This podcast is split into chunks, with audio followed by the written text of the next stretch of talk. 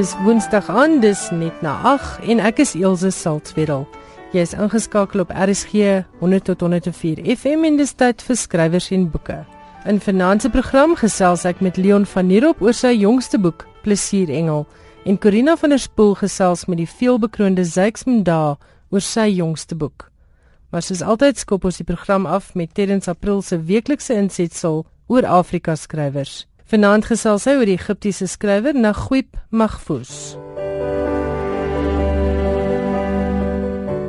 Die gevierde skrywer Naguib Mahfouz is in 1911 in Kaïro, Egipte gebore. Hy het vroeg met sy skryfwerk begin en wel op die ouderdom van 17 jaar. Daarna het 'n droogte in sy skryfwerk ingetree en het eers weer na die Egiptiese revolusie die pen opgeneem. Dis gevolg deur nog 'n droogte waarin Mahfouz nie enige letterkundige werk gelewer het nie. Maar toe volg sy The Cairo Trilogy wat in 1957 verskyn het. Dit was 'n oornag sukses. In die trilogie beskryf hy die lewe in 'n Arabiese wêreld, veral in 'n stad in daardie geweste. Gwib Mahfouz het later aan die hoof gestaan van sy land se sensuurraad en nog later as 'n konsultant by die departement van kultuursake. Mahjoub is in 1988 met die Nobelprys vir letterkunde vereer. Hy sterf later daardie jaar. Hier is 'n uittreksel uit Palace Walk wat in 1956 uitgegee is, gevolg deur nog 'n uittreksel, die keer uit Palace of Desire, roman wat in 1957 wat as deel van the Cairo trilogy verskyn het. She woke at midnight. She always woke up then without having to rely on an alarm clock. A wish that had taken root in her awoke her with great accuracy. For a few moments she was not sure that she was awake. Images from her dreams and perceptions mixed together in her mind. Al Sajib Ahmad Abd al Jawad closed the door behind him and crossed the courtyard of his house by the pale light of the stars. His step was lethargic and his walking stick sank into the dusty earth whenever he leaned on it wearily. Dit was deel uit Palace Walk en Palace of Desire, dele van die Cairo Trilogy van Naguib Mahfouz. Hierdie kort biografiese skets oor een van ons skrywers uit Afrika is saamgestel met die hulp van A to Z of African Writers van Robert Malan en uitgegee deur Shooter.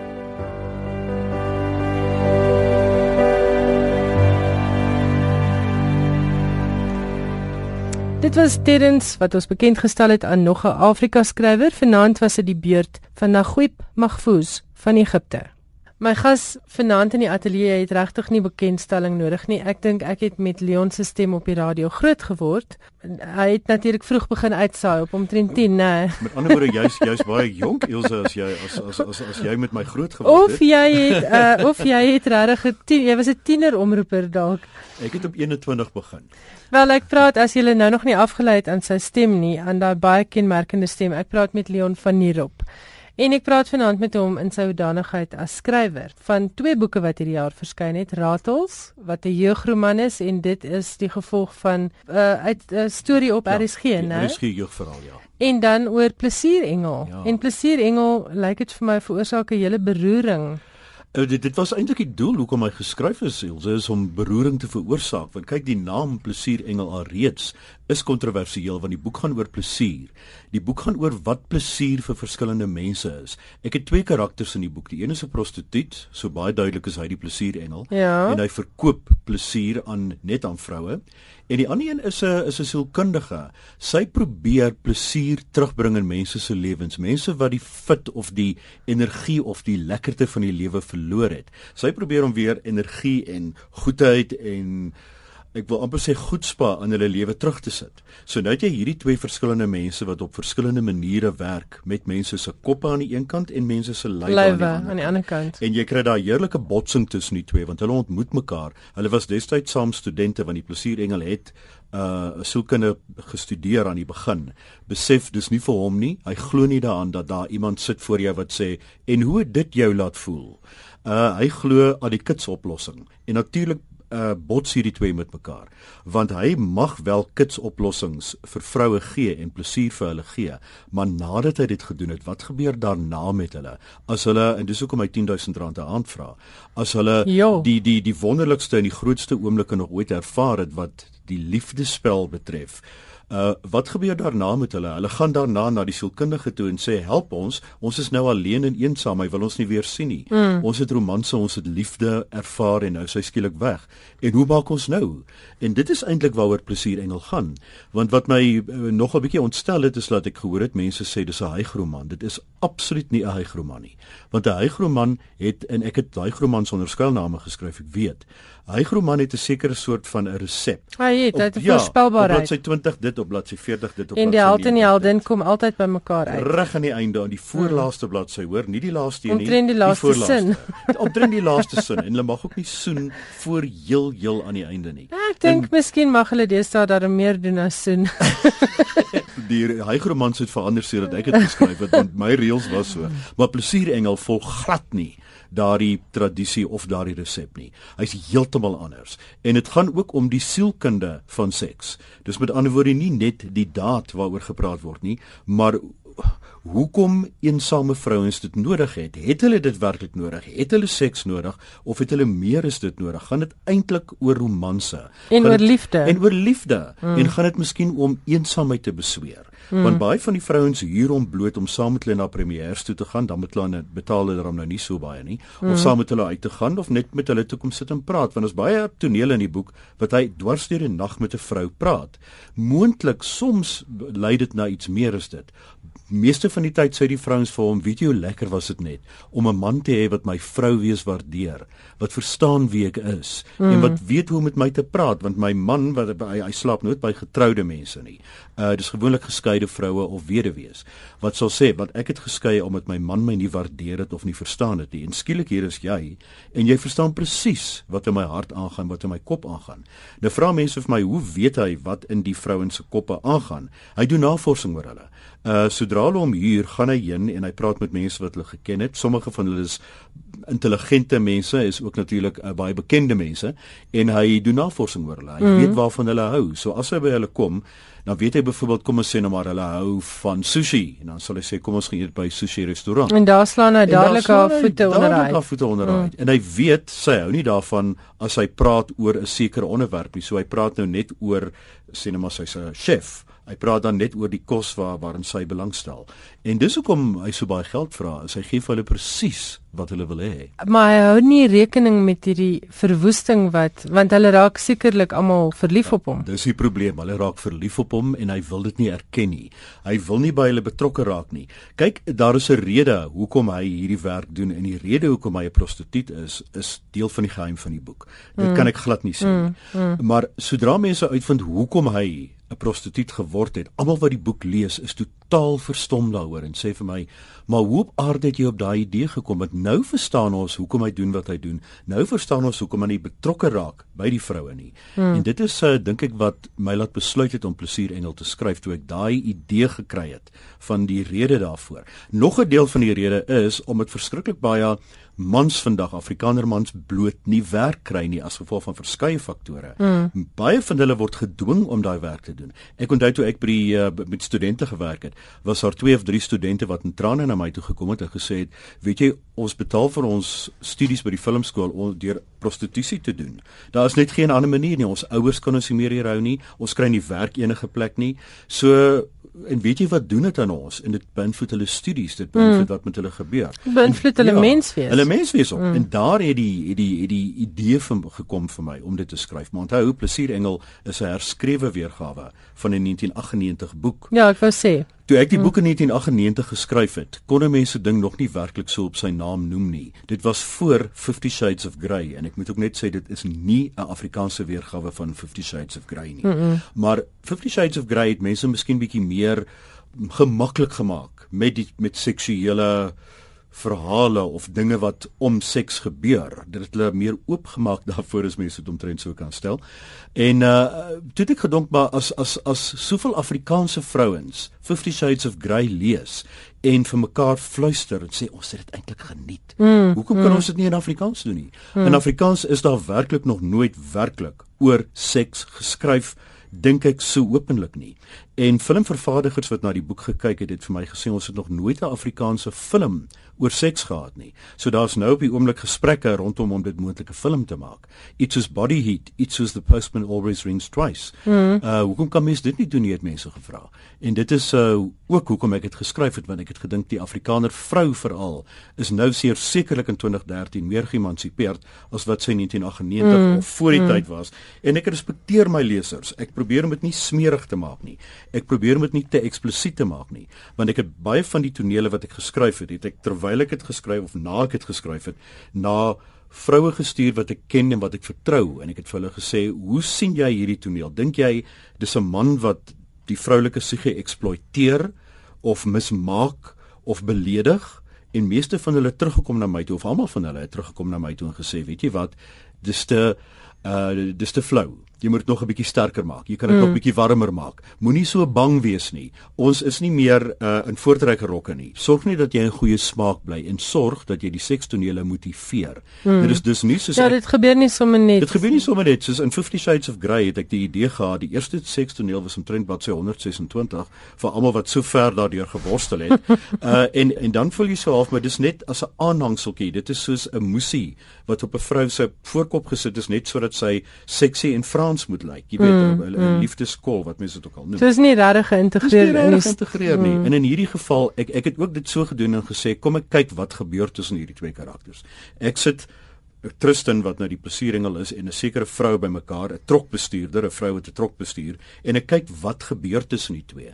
En soms wou hulle nie, soms was daar net nie seks gewees nie. Ander kere was daar en dan het ek dit warm gemaak want die twee was warm vir mekaar.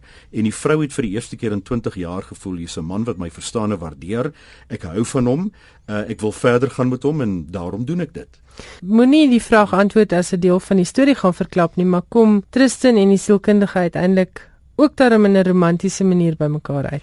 Hulle kom bymekaar uit nie noodwendig romanties nie want hulle beklei te veel, daar's gedurende bekleierery tussen die twee. Maar hulle het respek vir mekaar want elkeen glo so sterk in hoe hy of sy mense sien sodat hulle op 'n brein manier wat hulle breins betref, dis 'n ironie van die storie. Daar kom hulle bymekaar uit. So ek dink hulle verkeer met mekaar in hulle koppe. Mm, uh mm. meer as wat hulle dit ooit met hulle lywe sou doen, maar dit moet mense maar kyk en en, en sien wat gebeur. Nog 'n belangrike aspek Ilse wat ek gou vir jou moet mm. sê is dit speel in Johannesburg af. Want Johannesburg word gesien as 'n prostituutstad, bedoelende as jy hier bly, moet jy geld hê om te bestaan. Jy koop Johannesburg se plesier. Hmm. En daarom is die plesierengel in Johannesburg en verkoop hy sy plesier soos die stad Johannesburg sy plesier verkoop. Daarom ook die voorblad hmm. wat hy soos 'n engel staan ja, die, na die stad kyk. Met die horison. Met die horison hmm. en hy kyk na die stad en sê ek be, uh, beheer hierdie stad en ek bedien hierdie stad want die stad het my bedien en was vir my goed en daarom gee ek terug se ironie daarin. Waar kry jy jy jou idees? Want jy het nou al hoeveel boeke geskryf? Uh ek dink is 27 op die oomblik. Ek is ek het nommer 28 nou net klaar gemaak. En dis baie uiteenlopend. Dit is totaal uiteenlopend. Weet jy Ilse, ek ek is bang daarvoor om voorspelbaar te raak want iets soos Wolwenaars in die skemer was 'n groot sukses geweest as 'n roman, as 'n TV-verhaal, radio hmm. as film. En ek kon Wolwenaars in die skemer 4, 5, 6 keer in verskeie gedaantes herskryf het, oorgeskryf hmm. het. Jy kan mm. altyd 'n meisie kry wat in 'n donker huise gaan so Stephen King en iets gebeur daar met mm. haar. Maar ek, mense raak verveeld daarmee. Ek ek raak verveeld met dieselfde soort stories. Mm. So ek hou daarvan om te spring van daar ratels byvoorbeeld wat ek vir RSG se jeugverhaal skryf. En ek dink nie jy kan 'n groter kontras kry as ratels en plesierengel nie. En hulle het soms so saam saam verskyn. Net na ek ratels klaar geskryf het, het ek met plesierengel begin. En ratels gaan oor 'n groep jong mense wat nog glad nie enige idee het waaroor die lewe gaan soos plesierengel nie. En dit was so lekker vir my om weer daar in te spring. Mm. Want onthou ek doen baie deeglik navorsing. Mm. So ek sal nie 'n karakter skep as ek nie so iemand ken nie of baie baie goed met so iemand gepraat het nie. Ek skep byvoorbeeld nooit rugby spelers nie want ek ken hulle glad nie mm. en ek verstaan hulle nie.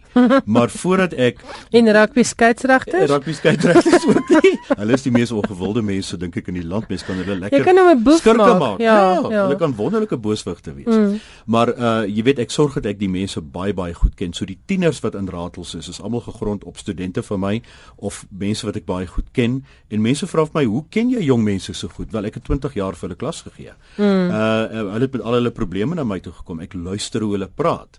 Ek luister die taal wat hulle gebruik. En daarom was dit vir my wonderlik in beide Plesierengel en Ratels dat Human en Rousseau by Ratels en Tafelberg by Plesierengel nooit aan die taal gepeter het nie of die manier mm. wat die mense praat nie. Hulle gebruik sekere woorde. As ek hulle sekere woorde laat gebruik vir al 'n Plesierengel, dink ek is dit werklik nodig om hierdie woord te gebruik.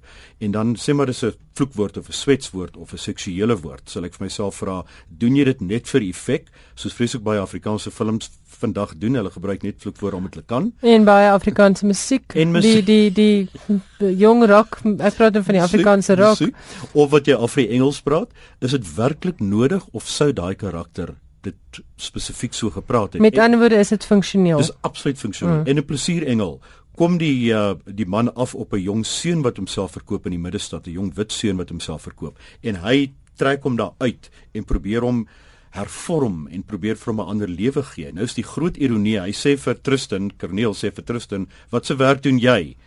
En hy sê ek is 'n prostituut en hy sê jy wil nie hê ek moet een wees nie. Mm. Dan sê dan sê maar ek wil nie hê jy moet dieselfde pad loop nie. Daar is mm. ander moontlikhede vir jou. Mm. Die rede hoekom ek dit doen, het niks met jou te doen nie. Ek kan dit nie nou sê nie, maar vir die vir die jong seun sê daar's ander maniere vir jou en hy kry vir hom inderdaad ander werk en mm. hy vat hom weg van die strate af. Uh, en dit dink ek uh, maak van plesier engel miskien 'n bietjie meer as net 'n boek oor seks. En karakter sê jy nou baseer jy op mense, maar tog sekerlik nie in geheel nie. Vat jy 'n stukkie van die mens en 'n ja. stukkie van daai ja, mens en Dis 'n goeie vraag want want uh, sê maar Tristan is 'n kombinasie van 3 of 4 mense. 'n Joernalis het nou die dag vir my gevra, uh, in watter watter karakter in Plesier Engel identifiseer jy die meeste mee? En daar's mm. omtrent 15 karakters en ek het geantwoord Tristan. Ek verstaan hoe hy voel oor mense, oor verhoudings, oor liefde, uh, oor liefde wat misbruik word, oor liefde mm. wat verkoop word. En baie van die goed wat hy sê vir die sielkundigheid, ek vir 'n sielkundige self gesê want ek het natuurlik met 'n sielkundige gaan praat hieroor. Mm. En ons het sulke bekgevegte gehad wat presies is wat hulle gehad het in die boek of het in die mm. boek. Mm. En uh so Tristan is 'n kombinasie van verskeie mense, maar iemand soos Erika wat die sielkundige is, is gegrond op 'n sielkundige en is net een persoon. So dit hang af wat jy nodig het in jou karakters. Mm. Dieselfde met Ratels, hulle is elkeen baie spesifieke karakters en die akteurs wat die rolle speel op RSG het nogal baie te maak met hoe daai karakters geskryf en geskep en gespeel word vir die boek nou vir die boek mm. en vir die radioverhaal. Nou sê vir my, ek vra hierdie vraag altyd vir vir fiksieskrywers. Uh jy skep nou 'n karakter, maar bepaal jy waarheen daai karakter gaan of kry karakters op papier 'n lewe van hulle eie? Ook 'n baie goeie vraag. Hulle kry 'n lewe van hulle eie. Ek dwing hulle nooit om in 'n sekere rigting te gaan nie.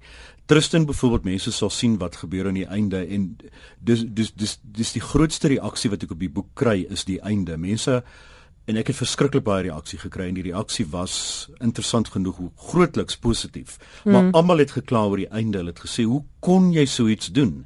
En ek het gesê man dit is die manier wat hierdie storie loop. Mm. daaroor het ek geen invloed nie. Ek kan nie 'n storie soos daardie gelukkig laat eindig nie want 'n storie soos plesier engel kan nie gelukkig eindig nie. Hoe kan jy 'n man hê wat by 50 verskillende vroue betrokke was wat nou skielik een vrou sien en dag en absoluut lojaal is ja, aan haar. Ja, lojaal is aan haar en sy dieselfde. Sy moet weet, maar hierdie man was altyd vir ander vrouens te koop hoe hoekom sal hy vir my dit verniet doen en vir my En hoekom sal hy getrou bly? En hoekom sal hy getrou bly? Hmm. Al daai soort van dinge. Jy weet so ek het daar besluit maar ek kan nie vir mense die eindes gee wat hulle wil hê nie, want daai boek kon 'n spesifieke baie gelukkige einde gehad het en dit was nie die Maar dan sou dit nie ja, realisties ja, gewees het nie. Ek het ook hmm. probeer om realisties te wees. Verskriklik baie van sy kliënte is vroue met wie ek oor die foon gepraat het uh en en vroue het vir my hulle stories vertel het wat ek natuurlik verander het sodat hulle nie herkenbaar, herkenbaar is, is ja. Maar uh, hulle het almal vir my dieselfde ding gesê en gesê ons het verlief geraak op hom ons het verskriklik seer gekry in die proses ons kon nie weer eintlik daarna by 'n man wees nie want ons het almal aan hom gemeet so ons lewens is eintlik vernietig. So was daar 'n Tristan? Daar was 'n Tristan ja. Daar was definitief 'n Tristan. So ek het met 2 of 3 sekswerkers gepraat wat mm -hmm. inderdaad sy werk gedoen het en ek het baie intens met hulle gepraat want ek wou in hulle koppe inkom. Sodra hulle na die seksuele toe beweeg het ek gesê nee, ek stel nie belang nie. Nee. Dit kan ek uitdink. Maar ja. maar wat het in jou kop gebeur? Wat het in jou kop gebeur toe jy by die vrou was en jy het langs haar geneem? En wat motiveer dit? En en wat motiveer jou? Maar een van hulle is gemotiveer deur wat gebeur met die ou in die boek. Dis baie interessant. Kom ons praat net gou-gou oor jou ander boeke. Jy sê jy het Hygromans onder 'n skuilnaam geskryf. Hoekom onder 'n skuilnaam? Want en hoekom Hygromans? Want destyds, uh, ek het amper die Hygroman tradisie begin. Want destyds uh, het Cecilia Brits my genader toe dit nog perskor was. Mm. En sy het 'n Hygroman gehad die heel eerste een. Maar ons moet nou ook net sê Cecilia hou niks van die term Hygroman. Sy hou nie van die term nie. dis dis heeltemal waar. Wie die term kom van ek ek weet nie, ek dink 'n sekere vroue tydskrif het daai term begin. Ek dink dit was en, Elise Parker. Ek dink dit was so. Ja, dit ja, het daar begin. En sy het vir my gesê maar uh, ek het nou hierdie roman gehad, wil jy nie probeer om vir my so 'n verhaal te skryf nie? En toe skryf ek vir haar so 'n verhaal.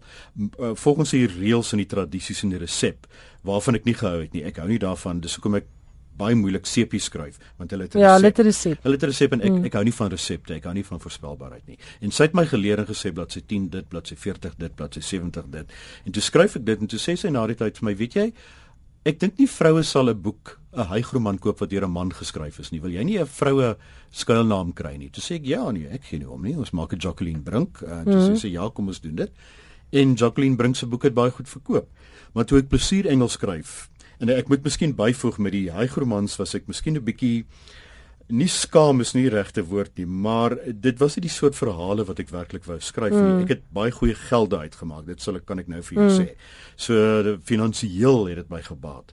Maar ek het net gevoel ek kan dit nie langer doen nie. Ek wil dit nie langer doen nie en as ek weer 'n boek oor seks skryf, gaan dit onder my eie naam wees en gaan dit iets wees waaroor ek nie skaam is nie. En mm. dis so plesier engel toe ontstaan het en nie weer 'n hygroman onder 'n skuilnaam geword het nie. En dan skryf jy goed, jy skryf spanningsverhale, jy skryf nogal regtig uiteenlopend. Hoe kies jy daai temas? Gebeur daar 'n ding sien jy 'n uh, uh, berig in 'n koerant en jy dink, "Jo, hier hier sit 'n storie." Of hoe kies jy dit? Die stories wat na my toe kom. Ek kyk ook wat werk op die oomblik in die samelewing. Waaroor praat mense baie? Mm. Want ek doen ek soos jy baie onderhoude met mense en ek hoor die onderwerpe wat hulle aanroer en mense sal sê, "Maar hierdie onderwerp het niemand nog ooit oor geskryf nie." Mm. Uh byvoorbeeld Ratels wat oor boelies gegaan het. Daar was nog nooit werklik 'n Afrikaanse jeugroman wat so intens oor boelies gegaan het dat daar 'n boelie skool gestig is wat boelies hanteer en wat jong mense wat geboelie is probeer hervorm nie. Dis nog nooit mm. gedoen nie. So en ek het baie met studente en mense gepraat wat geboelie is. So sekere temas kom na my toe en dan uh, sê mense vir my maar hoekom is daar nog nie oor geskryf nie mense het vir my 6 7 maande gelede skielik het mense toe belade vir die enkeling se tema dikwels oor die radio gespeel is het hulle vir my gesê ons wil die boek graag koop toe sê ek maar ek het dit nooit in boekvorm verwerk nie hmm. en hulle het gesê maar ons wil dit graag in boekvorm lees en toe nader ek Tafelberg en ek sê so julle belangstel daarin is 'n mm. boek en hulle sê dit hang af hoe jy dit skryf en ek het dit geskryf en hulle het dit onlangs gekoop en gesê dit gaan vir ons werk. So dikwels is dit ook mense wat vir jou vra om 'n sekere soort verhaal te skryf. So ek is nou ek het belade vir enkeling nou voltooi as roman. So ek sit nou so half in 'n niemandsland. Ek weet nie waarheen nou nie. Ek ek het net besluit ek gaan vir 'n rukkie niks doen nie. Ek gaan vir 'n rukkie niks skryf nie. Ek ek skryf 'n rolprent draaiboek nou, hmm. maar uh nie 'n boek weer nie. So dit hang af wat na my toe kom. So iets gaan na my toe kom van iewers af en dan gaan ek weer daai storie vat maar dit gaan anders wees as enigiets van die ander of dit gaan weer 'n thriller wees want ek het baie lank laas 'n thriller geskryf mm. en ek is honger daarvoor. Nou maar as jy dit gedoen het, wat ook al volgende is dan dan hoop ek ons praat weer met jou. Daar's Ilse, dankie dat jy oor plesier engel gepraat het. Dis my plesier baie dankie Leon. Ek gesels nou met Didi Potgieter, sy is 'n M-student in kreatiewe skryfkuns aan die Noordwes Universiteit en ook hulpdosent in vertaalkunde. Nou Didi se agtergrond is dat haar eerste roman sal binnekort gepubliseer word. En ook wat vir my baie interessant was, sy het as deel van haar honeurstudie het sy Jane Austen se Pride and Prejudice vertaal en verwerk om te kyk of dit sou werk as 'n moderne romansa. En ek het vir Didi gevra om vir my Leon van hier op se boek Plesier Engel te lees sodat ons 'n bietjie kan gesels oor hierdie boek. Nou Didi, waar sou jy hierdie boek plaas as dit in 'n genre moet kom? Ilse, ek dink dit is definitief in die spanningsgenre en dit was meer sielkundig. En ek dink dit was briljant hanteer, moet ek net sê. Maar dit is dit is 'n storie waar liefde en seks ter sprake kom. Is dit nie die tema van die boek nie? Ja, ek dink wat wat vir my nou hierdie boek ongelooflik goed gemaak het, is die subtiele manier wat Leon 'n liefdesstorie hier ingeskryf het. Ek weet nie of hy dit beplan het en of ek maar net die romance dit ingesien het nie, maar dit was wat my gebind het in hierdie storie wat my laat aanhou lees het want ek wil kyk wat gebeur tussen hierdie twee hoofkarakters. Die heeltyd het hy op 'n baie slim manier jou laat wonder wat volgende. Was dit wat jy verwag het van 'n Leon van die Robboek? Dit was meer as wat ek verwag het, moet ek eerlik wees. Ek het nie regtig geweet wat om te verwag nie. Ek het maar die gewone spanningsverhaal verwag en die manier wat hy dit geskryf het en die en die manier wat hy sy dialoog gebruik het en die manier wat hy die die raai, die aanhou raai gebruik het, het regtig hierdie boek 'n boek gemaak wat jy nie kon neersit voor jy nie klaar gelees het nie. En was 'n karakter soos Tristan, was hy vir jou geloofbaar? Hy was absoluut, ek kon hom voor my sien. Ek kon hierdie ou sien ontwikkel, ek kon hom sien groei, ek kon verstaan hoekom hy is wat hy is en die menslike element wat Leon aan hom toegevoeg het. Die die sy swakheid, die feit dat hy hierdie human flaw in hom het, soos hierdie tragiese held, het regtig van Tristan 'n ongelooflike goeie karakter gemaak. En Leon het self verwys na die einde wat hy sê nie is wat mense wou gelees het nie. Hoe voel jy oor die einde? Is dit vir jou logiese een vir so ver, verwikkeldheid tussen twee hoofkarakters? Dit dit is 'n goeie einde, maar dit sou dis nie die einde wat ek graag sou wou gehad het nie. Ek sou graag wou gehad het hy live happily ever after. Mm. ek weet dis nou maar uit die genre waaruit ek kom. Maar ja, dit ek het teleurgesteld gevoel in die einde, maar ek kan verstaan hoekom. Dit is nie asof ek voel die einde is nie in pas met die res van die storie nie. Dis net ek sou graag meer wou weet, langer in daai sien wou talm. En sê vir my vir wie dink jy is hierdie 'n lekker boek om te koop vir die vakansie. Hierdie boek is van so 'n aard dat dit nie net aan een genre gekoppel is nie. Dis nie net aan een leser nie. Dis nie as jy hou van 'n romans, daar is vir jou ietsie in. As jy hou van speer en jy wil self die storie oplos, is daar vir jou in. As jy hou van sielkundige roman, is daar vir jou iets in. So koop hom en die hele gesin kan hom lees. Behalwe nou jou onder 18. Ja, nee, dit klink vir my nie na uh, iets wat jy byvoorbeeld vir jou 15-jarige gaan gee nie. Is dit 'n boek vir ou Leon van die Rop aanhangers of dink jy hierdie is 'n boek waarmee hy vir hom 'n klomp nuwe aanhangers kan bykry? Ek dink met hierdie boek gaan hy vir hom nog 'n hele paar nuwe aanhangers, loyale aanhangers in Palm. Didi, hy het self gepraat oor die seks in die boek. Hy het gesê hy moes dit uit dit getoets aan aan van sy vriendinne en hulle het gesê dit kan nog warmer. Nou, hoe het jy dit ervaar? Is hierdie 'n wille boek of is hierdie 'n realistiese boek? Ilse, ek het al in Milton Boone romans af meer seks gelees, meer eksplisiet. Dit is glad nie, dis glad nie in jou face sodat jy beledig voel of of wegskram daarvan of vuil voel nie. Dis dis net genoeg en meeste van die tyd is dit meer suggestie as wat dit enigiets anders is wat van dit nog vir my beter geskryf maak is dat hy nie jou oordonder scenes nie. Dit is funksioneel. Dit pas in by die storie. Dit val nie net uit die lug uit en woeps hier se sekstoneel nie. Nee, dit pas 100% in. En so gesels dit die potgieter. Ek het ook gesels met Leon van Nierop en ons het gepraat oor Plesierengel. Die boek word uitgegee deur Tafelberg en kos R210.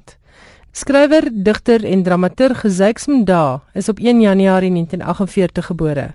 Hy het in Soweto groot geword en onder meer as 'n bankklerk en onderwyser gewerk voordat iemand sy skryfwerk raak gesien het. Sedertdien is hy internasionaal 'n bekende en bekroonde naam. Hy was onlangs in Johannesburg vir die bekendstelling van sy jongste boek, The Sculptors of Mapungubwe. Corina van der Spool gesels met hom.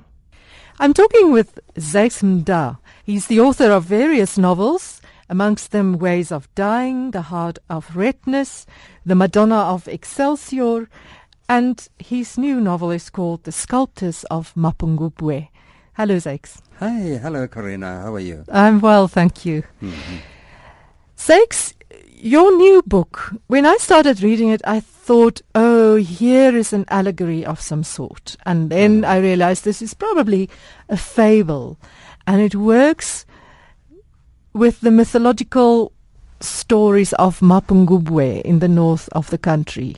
And uh, why why do you see it as a fable and uh, and myth and, and so on?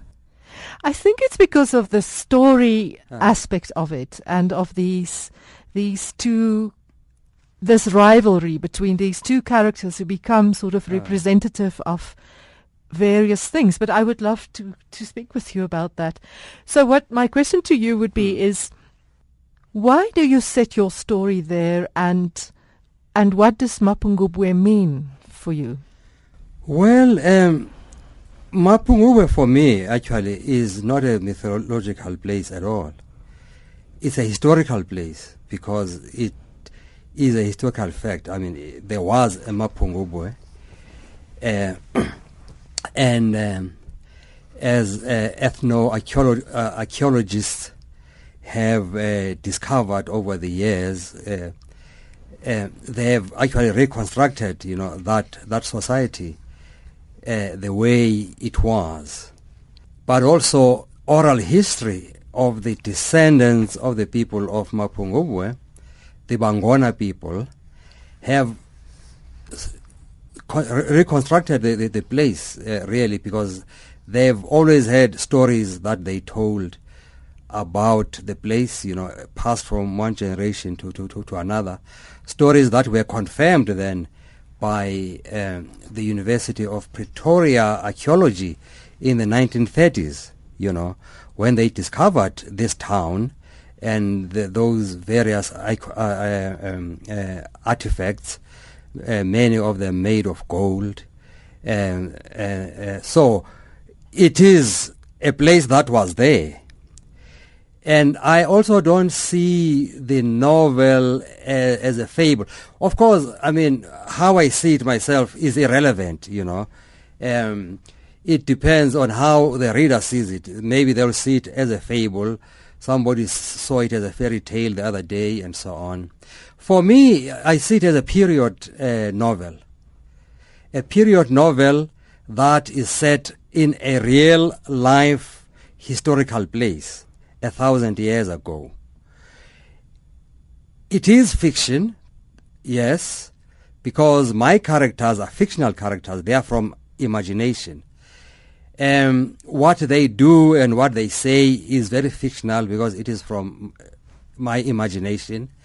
But the, that whole setting and the culture and everything else, you know, that comes with, with the setting is real and is based, you see, on uh, on real research that I did, uh, not only from the work of of um, the archaeologists such as Tim Huffman of Wits University and his students who have written extensively on, on that period, but also from the oral history, the oral traditions of the Bangwana people who are part of, of, of the Venda uh, ethnic group now.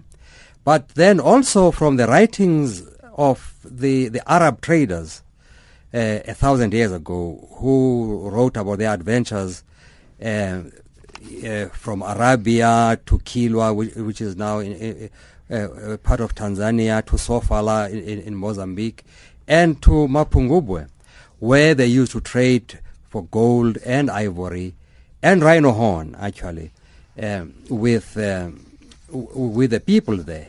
So taking all those sources, I reconstructed then a, a, a life in that town during that period. Yes, Mapungubwe is a, a World Heritage Site, and indeed, rhino horns, but also gold, play quite a big role in your story. You obviously worked in the historical facts Yes. of, for instance, the the, Mm. the famous golden rhino that was found there. Uh-huh. Obviously, you wanted to work with that that given th- things that we know about that history. Well, Hence, the sculptors of Mapungubwe. yes, but my sculptors don't create rhinos.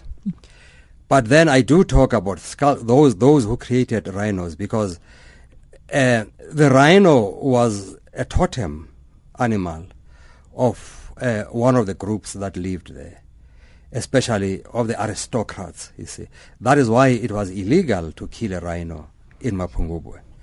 Um, not because of, co- of they or they wanted to preserve the the the, the, the uh, to conserve uh, uh, wildlife maybe as, as as we do today, but because it was a sacred uh, animal, a totem animal of the aristocrats, when a jackal was a totem animal of the common people. So, um, rhinos then, you see, uh, you know, artists created, you know, uh, in gold. They created these these, these, these, these, these statuettes uh, of rhino. My artist, you see, goes out of his way to to take a different route from the official art that was expected of artists those days. You know, you know, in other words, to to to to create the official things that artists are supposed to to create, and he creates his own kind of of art, you know, in gold and and and ivory, which was condemned by by the rulers as um, as self-indulgent uh, uh, art. Yes. And unrealistic. yes. So there's this rivalry between two Yes. who are in name brothers, shall we say? Ah. The um and because they are all both trained by by the master sculptor, Yeah. and this is Rendani and Chata. Mhm. And indeed, the rivalry is in many ways about the love of for a woman, but it's also in how they create art. And for me, that's a very interesting strand throughout the novel. Is yes. What is it that inspires one's creation, and do you stay true to nature, or do you work with the imagination? Yes. What does it mean for you? that was actually uh, what I saw also as the main theme in my work, you see. The other issues such as the rivalry over the women and so on only come in to complicate issues. Uh, the, the, the main conflict is that of art, you know, what kind of art should these artists be creating, you see. This other one is steeped on realism, which is the state sanctioned uh, art, whereas the, the other one wants to create, you know, from imagination, cr- uh, creatures from fantasy, you know, and so on, creatures that he, he claims to have seen uh, when he's in a trance, you know, uh, that have never been seen anywhere in the world. And then, of course, he gets condemned for that uh, officially. Although some of the older artists look at, at his work and are fascinated, such as the ma- the master sculptor uh, who was training them, you know, uh, because it is something new that he, he has never seen before. Uh, He never knew that an artist could actually just create from from imagination rather than um creating what is officially sanctioned. Now, Tata, who is the the artist who works with his imagination and makes creatures who doesn't look like anything else, for me, he seems quite close to his ancestral beginnings. He he's his mother is a Kung. I don't know how you Yes, pronounce that. yeah, how would you Kung, pro- yeah, a Kung mm, woman, yeah. um, which is a a sort of a descendant from the Sun people. Is that right? Well, they are they they are part of because you know the so-called Bushmen are, have, have many different tribes. Yes. Well, I, I hear people call them San t- today, but they, they never called themselves San. Mm. You know, uh, uh, because San was a derogatory uh, word that was used to refer to them by the Khoikhoi people. You know, um, San merely means the wanderers who own nothing, We have no cattle or anything like that. And they were called that by, by the Khoikhoi people, who were themselves, you know, the so-called Hottentots, who were themselves, you know, cattle owners and so on. So they, they looked down uh, uh, uh, upon the so-called Bushmen, who had their different names according to their tribes. uh, such as Kung, uh, the Kwe, and so on. Yeah. Now, Yes. Tata experiences, I think, not only because of his his artistry, but be, but also of his foreignness, of, or the fact that he is sort of a foreigner. Yes. And doesn't really belong there, or seemingly doesn't belong. He experiences what I see, and this is maybe where I see the fable working Yes. a sort of a xenophobia because with a moment when things Yes. are going difficult, Yes. then they see him as different and that he and they and they accuse him of of theft and of treachery. Yes. So for me, I felt something uh, that that harkens back to our idea of the foreigner and the xenophobia that we're Yes. experiencing now. Mm. And also, few pages before, there is a mentioning when things are going hard in this um, in this tribe, Hmm. then the king wants the people to pay more tax. To, uh, Yes. They must basically they must give their gold to him, and they Hmm. should hold less for themselves. Yes. Which, to me, also. You know, it's a strange thing, but I thought, oh, I see here something of Marikana. Okay. I see something here of of the workers' plight and the debt that the king makes himself come into. I'm glad that you saw all that. Well, I mean, when I wrote this novel, there was no Marikana. It was long, long before Marikana and so on. But any good fiction, especially any good historical fiction, should comment about the present. That's the value of historical fiction, is to comment about the present. And if you see things like Marikana and so on and so forth, it means that then um, I've done my work, you know, uh, uh, well, indeed, because what I always try to show in my historical fiction is that the past is always a strong presence in our present. And if then you are able to see all, all these elements of xenophobia and so on, xenophobia has always been with people, you know. They've always been suspicious of the foreigner, you know.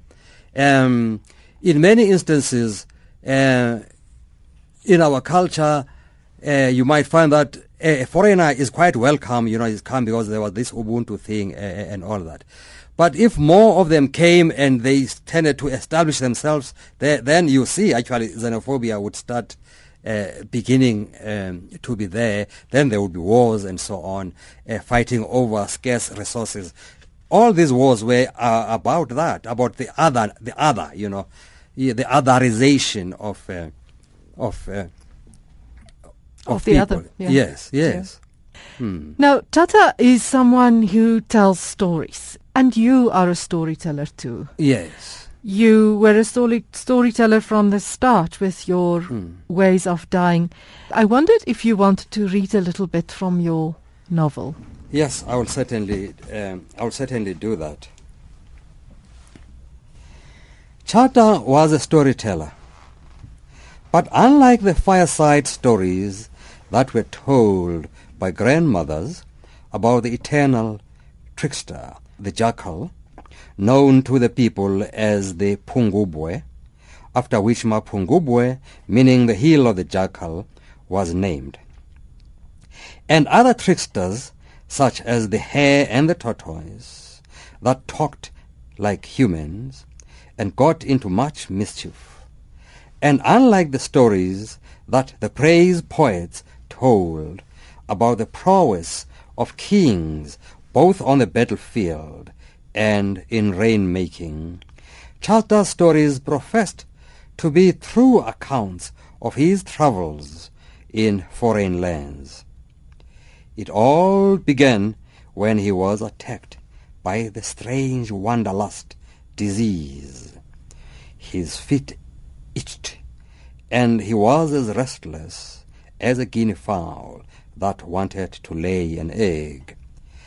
The ailment became worse when Abdul was came with his caravan of mounted oxen laden with cloth, beads, ceramics, and other goods that the Swahili traded for ivory. and gold. In the evening, the trader joined the men at younger father's compound for some marula beer and told stories of his voyages across the Zanj seas to the city of Mogadishu, and then across the Arabian seas to Persia and Sidon, and then further east, a voyage of many moons to India and China. These stories made Chata's souls itch for the road even more.